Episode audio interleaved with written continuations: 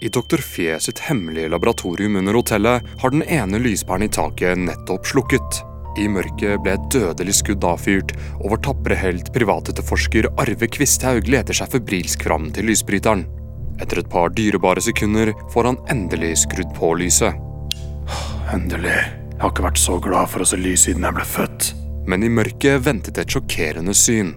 Midt på gulvets hvite fliser, utstrakt i en og blodpøl, ligger Trine Erebos. Med et rykende kulehull i brystet blør hun sakte og meget elegant ut, med Bjørn Andersson og Dr. Fjes bøyd over seg. Satan! Et mord! Morte fatalis. Men hvor er drapsvåpenet? Trine! Kvisthaug. Hennes vakre, bleke hud blir enda blekere, og en diamantformet tåre triller sakte nedover kinnet hennes. Trine! Snakk for helvete! Du må finne den som stjal Den grønne svane. Gjør det for meg, Kvisthaug. Jeg skal finne den grønne svane, Trine. Om det så blir det siste jeg gjør. Og en ting til. Hun trekker et siste åndedrag, og i et øyeblikk er det vanskelig å dømme om hun ser inn i Kvisthaugs øyne med sultent begjær, eller om blikket ganske enkelt vitner om den ekstreme smerten hun helt sikkert må føle av å dø. Det finnes noen på dette hotellet du ikke må stole på. Kvisthaug. Jeg snakker om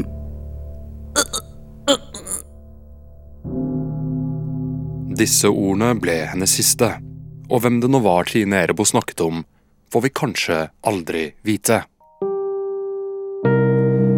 Hotell Pandemonium. En spenningsserie i flere deler på Radio Nova. Episode fire Blant ulver og får.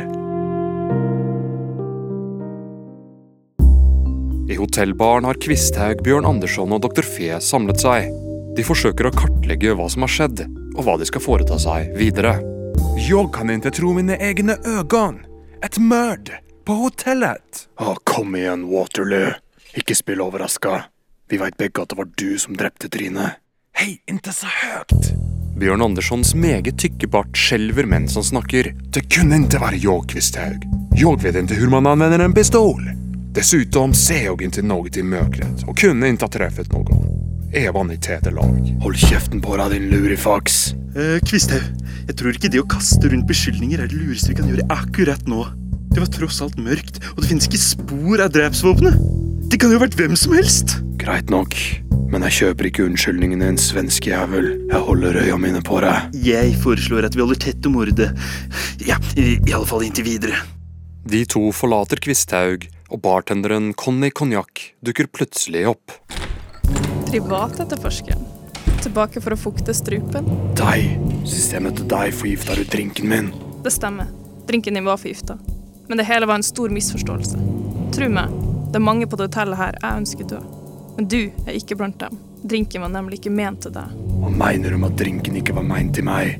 Prøver du å si at at du prøvde å ta rotta på hotelleieren Ferdinand Erebos? Jeg prøver ikke å si noen ting, Kvisthaug, men du bør vite at herr Erebos slett ikke har rent mel i posen. Og det samme kan bli sagt om datteren hans, den vakre, men samtidig meget farlige Trine Erebos. For å si det sånn, er det på høy tid at noen gjør noe. Det virker som om noen allerede har gjort. Tenker Kvisthaug for seg selv. Vi to er på samme lag. Jeg vet du ikke har noen grunn til det, men du må stole på meg. Å stole på noen i denne byen er som å leve med ulver. Lettere sagt enn gjort. Vi følger Kvisthaug ut i Rosehagen, der han forsøker å samle tankene. Han bestemmer seg for ikke å fortelle noen om mordet, selv ikke sin partner. Børre bare. Privatetterforsker Kvisthaug, kan du vennligst svare på noen spørsmål? Tilsynelatende ut av intet har en meget nysgjerrig ung kvinne sneket seg innpå ham. Spørsmål? Og hvem i huleste er du for en? Kvinnen foran ham er ingen ringere enn Stephanie Andersen, en dyptgravende reporter med varierende respekt fra Kverkebys lokalavis, Kverkeby Tidene. En fotograf har plutselig dukket opp og sikter en gigantisk linse mot den forfjamsede privatetterforskeren. Jeg vil ikke snakke med noen fordømt reporter. Har du funnet noen spor i saken om den forsvunne smaragd? Den grønne svane? Ingen kommentar. Kverkebys innbyggere vil ha svar, Kvisthaug. Du ville vel ikke? Jeg sa ingen kommentar. Ta så skygg banen. Hva har du å si om nattens mord på hotell Pandemonium? Har du noen mistenkte? Jeg skal ikke svare på noe spø... Vent et øyeblikk. Jeg har ikke sagt noe om mord. Hvor har du hørt det? Stephanie Andersen tier, og minen hennes blir nervøs, som hos en som akkurat har sagt for mye. Jeg tror jeg har fått alt jeg trenger. Kom igjen. Vi stikker. Hun forsvinner inn i solnedgangen like raskt som hun kom, og Kvisthaug blir stående alene med en sigarett i munnviken. I blikket hans ligger tusen ubesvarte spørsmål, men det er kun ett han trenger svar på akkurat nå. Hvem var det som drepte deg, Trine? Hvem i svarteste natta var det som drepte deg? Hvem var det egentlig som drepte Trine Erebos? Og hvem var det hun prøvde å advare Kvisthaug mot?